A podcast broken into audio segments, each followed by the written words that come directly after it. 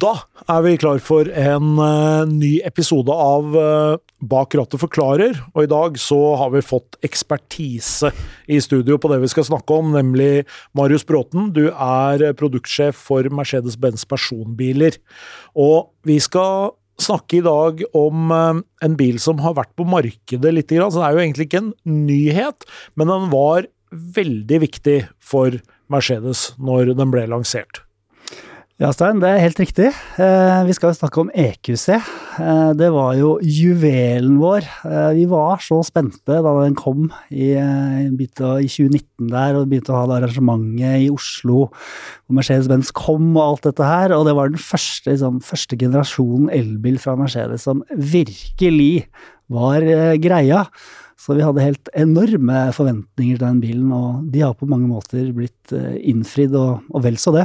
Ja, for dere hadde juksa litt i faget fra før også, med, med en elektrisk B-klasse, men uh, den var kanskje litt mer et uh, litt sånn testprosjekt fra, fra Mercedes sin side? Ja, det var en veldig vellykket test i, i, så måte. Vi solgte veldig godt av den, og den ble veldig godt tatt imot. For det var, en, det var jo en vanlig bil, bare med elektrisk drivlinje. Og det er på en måte litt den linja Mercedes har fulgt nå lenge, da. At det er bil med tilfeldigvis elektrisk drivlinje. Ja, for der må man jo også innom og hadde brenselcelleteknologi også i, i B-klasse, ikke sant? Ja, den har vært eksperimentert mye med de forskjellige drivlinjene hos Mercedes, og hadde en sånn liten fuelcell-variant også. Eh, noe kostbar, eh, og i etterkant så har det vist seg at batteri er veien å gå. Det var helt klart. Jeg hadde gleden av å kjøre en sånn en god del når eh, jeg var journalist, for vi hadde en i, i bilforlaget, hadde en sånn bil en god periode. og Da fikk man jo på en måte testet både fordelene og ulempene med brenselceller. Men, men, det har, som du sier, blitt batterier som har eh, vært det viktigste. Og, og hele denne EQ-satsingen til eh, Mercedes. Hva er det som på en måte ligger i bånn for, for den filosofien, kan du si? Nå har jo Ola Karlenius gått ut og sagt nå i senere tid at Mercedes går electric only. Eh, og det er jo å kalle fullbyrdelsen av det som ble startet på med EQ-konseptet, som eh, i starten ble brukt om eh, både hybride drivlinjer fortsatt brukes, og som de rent elektriske bilene. Og nå meisles det ut som et eget brand i Mercedes-paraplyen, så det ingen tvil om at Mercedes går all in på elektrisk bil. Og Det ser vi også med den eh, etter hvert veldig brede porteføljen de har. Da. Vi har jo veldig mange modeller, både personbil og varebil, som nå er elektriske. Ja, for det er jo en av de tingene Jeg, jeg tenker jo tilbake til når jeg var, eh, når jeg var ung, og, og da, var det jo, da fantes det jo ganske få Mercedes-modeller, og det var jo veldig få som ble solgt egentlig i Norge. Det var jo, det var jo på en måte den klassiske 123-en, og så kom 124, og så, så begynte det å utvide seg, og så hadde du plutselig fått en 190 og så, og så, var det jo selvfølgelig alle disse andre modellene også, men det er jo en helt annen type produktportefølje Mercedes har i dag. Ja, jeg husker jo som barn at en av naboene hadde en, en S380. Det var jo helt ko-ko, eh, og det fantes jo ikke så mye Mercedeser rundt omkring. Men uh, nå treffer man jo en mye bredere andel av markedet. Vi kan selge både relativt rimelige biler, og også super high end, som Mercedes alltid har representert. Men altså denne EQC-en, da. Den mm. var jo på mange måter en uh, var en game changer for Mercedes, men den var jo også Den sparka jo liksom i gang uh, dette segmentet også, sammen med kanskje Audi, som uh, også var i gang litt på den tida der. Det var jo superrivalen, og har vært det hele veien for EQC, har jo vært Audi. Og da vi kom med den bilen, så tenkte vi at nå er vi virkelig i, i frontrunners her. Og den, eh, Vi fikk se bilen første gang. Man tenkte jo hva blir dette her, er den fortsatt en Mercedes? Men du liksom satte deg inn i en EQC første gang og lukka døra, god lyd, fantastiske materialer. Så tenkte jeg at dette er en ordentlig kul bil. Eh, så husker jeg at vi første bilen vi fikk hit på Lørenskog, eh, da kjørte vi en tur inne i 20-sonen her på Lørenskog. Det var første gang vi fikk oppleve en sånn elbil og det skyvet som er. Det er første gang jeg har blitt sånn kvalm i en bil. Jeg satt i baksetet på en EQC som ble kjørt rundt eh, kontorbygget her. For, uh, I sport så er den bilen helt ko-ko. Sånn moderne muskelbil. Og hva slags eh, Men jeg tenker sånn, de kundene som da valgte denne bilen, var det da Var det på en måte i hovedsak eksisterende Mercedes-kunder som var klare for å gå elektrisk, eller har dere også, som mange andre når de har lansert elbiler, på en måte også tiltrukket dere mange nye kunder? Veldig mange nye kunder. Selvsagt veldig mange hadde jo kjøpt GLC av oss. Det var jo store hiten vår i årene opp til EQC. Eh, så mange kom jo fra den, men samtidig også man hadde den elbilen med plass og rekkevidde og ytelse, og da rekrutterte man veldig mye nye kunder også. Så det er både spennende og en utfordring. At eh, på elbil så er kundene litt mer omskiftelige enn eh, vi ser på mer ordinære drivlinjer. Og Det som jeg tenkte var litt interessant, da, det er jo nå på en måte å snakke litt om hvilke erfaringer dere har hatt mot, eh, med bilen underveis. fordi nå begynner det å gå mot slutten på, på dagens EQC. Dette er jo um, siste året. Det er siste mulighet. Hvis du vil ha en ny EQC, så er det faktisk siste mulighet i år. Og den bilen har jo prestert jevnt over veldig bra. Den uh, var jo nylig testa, og på en måte konklusjonen der var vel at denne bilen holder fortsatt stand. Den har vært eh, meget god med tanke på eh, feil og den slags. Eh, selv i starten var det lite plunder med den, så den har vært veldig stabil, godt ingeniør. Så var det jo en førstegenerasjon elbil fra Mercedes. så Den var jo bygget på GLC, som GLC Coupé faktisk var, var utgangspunktet.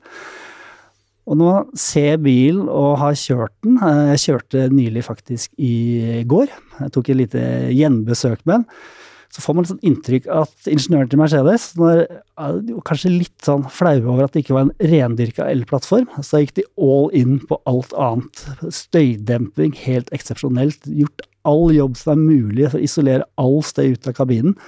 Så jeg føler at i dag så setter den fortsatt standarden. Vi har biler i dag som er like gode på støy, men noe særlig bedre tror jeg ikke det er mulig å bli. Nei, for Det er jo en ting som eh, også er eh, interessant å, å å dvele litt med, det er jo dette at uh, i en lang periode nå så har det jo vært fossilbiler, eller fossilbilplattformer i hvert fall, som har blitt konvertert til elektriske. Og så er det selvfølgelig noen som skryter veldig av at de er elektriske fra, fra start. Men hvor stor er den forskjellen egentlig, på en måte, mellom en bil som, som, har, uh, som er, er, bygget også som fossilbil, og en bil som er bygget bare som elbil? Jeg tenker som, som, kunde så ville jeg tenkt hva er bilen? Har den den plassen jeg trenger, rekkevidden, komforten etc.? Jeg tror ikke kundene egentlig er så opptatt av hva slags eh, plattform den er på. Vi ser selvfølgelig at en bil som er designa som elbil fra bunnen av, kan jo utnytte litt mer plass, eh, som man ser i de nyeste generasjonene fra Mercedes. Så får du litt mer plass på den samme størrelsen da, med en rendyrka. Men utover det så er det jo fint lite. For meg så ville det betydd lite. Er, eh, liker jeg bilen? Ja eller nei? Og så er det jo sånn at Vi ser jo at uh, selv elbiler hvor man i utgangspunktet kunne starte helt med blanke ark, de ser jo fortsatt ut som de bilene vi kjenner, i stor grad. Da, i hvert fall, selv om de selvfølgelig de får jo noen, eh, de får jo noen nye former. og Vi ser jo også hos Mercedes at dette med aerodynamikk er kanskje enda viktigere for en elbil.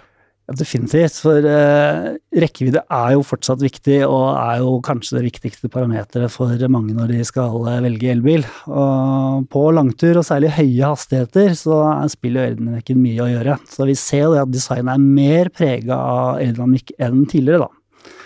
Hva tenker du at uh, er uh, de største styrkene til EQC, da, som fortsatt uh, står igjen som, som, så sterke at han faktisk fortsatt kan konkurrere med nye biler som blir lansert i dag? For meg så er det komforten eh, nummer én. Den har én modus, og det er absolutt komfort. Eh, jeg husker første gang jeg tok med meg en bil hjem. Så stoppet jeg i et lyskryss ved Ring 2. Og det var veldig rart, for da så jeg trafikken suse fram og tilbake, og så var det stille. Så når du står stille, så hører du ikke noe fra utsiden. Og den opplevelsen hadde jeg igjen i, i går. Eh, så den derre kokongfølelsen som EQC gir, helt fantastisk. Og så er den myk og god å kjøre, og utrolig behagelig kjøreopplevelse.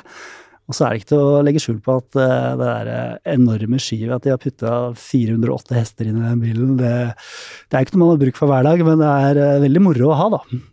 Men for deg som uh, som produktsjef for Mercedes, og sikkert som det vi i denne podkasten kaller et bensinhue, og kjørt AMG-biler, hatt hele den opplevelsen som på en måte en bil med, med motor og drivlinje og lyd og alt det som, som hører til. Og Hvordan har den overgangen til elbil vært for deg? Det var uvant. Veldig annen måte å kjøre på. Det her med akselerasjon får man et helt annet forhold til. Eh, så det må man lære seg en ny måte å kjøre i. Hvilke luker man kan ta i rundkjøring. Det er helt enorme muligheter i bytrafikk, vil jeg si, med en, eh, med en elbil, hvis man er eh, røff nok. Eh, men jeg savner jo det dramaet du får da, når du har en sånn eh, brutal eh, fossilbil med lyden og alt, så blir den akselerasjonsfølelsen litt annerledes. Og så er det sånn Det er litt mer som å bli slått ut med en golfball. Du er golfballen. Det er en sånn umiddelbar akselerasjon. Mens du får det der crescendoet i en fossilbil. Altså, det er en helt annen opplevelse. Helt brutalt spark i nakken. I de nyeste Mercedesene så har de lagt på lyd hvis du ønsker det. Eh, jeg syns faktisk jeg foretrekker det, eh, å legge på den lyden, så du får det der eh, ekstra lille dramaet on top da, når du skal kjøre litt friskt. da. Ja, For det å kjøre bil er jo noe mer enn bare transport? Definitivt. Det er transport også, men eh, det går an å ha det hyggelig til og fra jobb også, selv om kanskje ikke det er den beste opplevelsen. Men eh, de få gangene man er eh, f.eks. alene i bilen eller har med seg likesinnede, så, så, må jeg si det er ordentlig gøy å kjøre bil òg.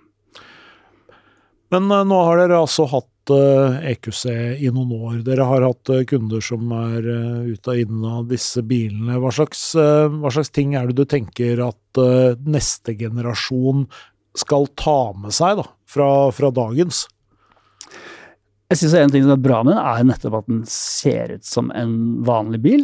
Eh, fint design. Ikke tenke at det er en elbil, det er bare en flott Mercedes. Eh, og Der syns jeg Mercedes har fortsatt den linja. EQC satte jo en del standarder med lyssignatur og sånn som vi ser går igjen. Veldig gjenkjennelig. Og så liker jeg det fokuset på støy, for det er jo en av forskene til en elbil eh, kontra en fossilbil. Så det å fortsette å jobbe med å holde kabinstøy til et minimum, det er en veldig behagelig måte å reise på. Eh, det, Og så syns jeg altså EQC interiøret er veldig unikt, da. Eh, det har jo kommet andre skjermer den slags, men men eh, de aluminiumsribbene som eh, går på døra, fortsetter under eh, ruta og sånn, og gjøre interiørene sånn veldig unike og fortsatt solid Mercedes, der syns jeg EQC-en har vært veldig bra. Den står seg veldig godt i dag. Se på materialvalgene. Se på en eldre bil òg. Det har vist seg holde veldig bra. Så, så de kvalitetene der ønsker jeg at, å se videre, og det føler jeg at vi også gjør i stor grad. da. Men nå er det siste året. Eh, blir det vemodig å se EQC rulle ut av butikken for siste gang?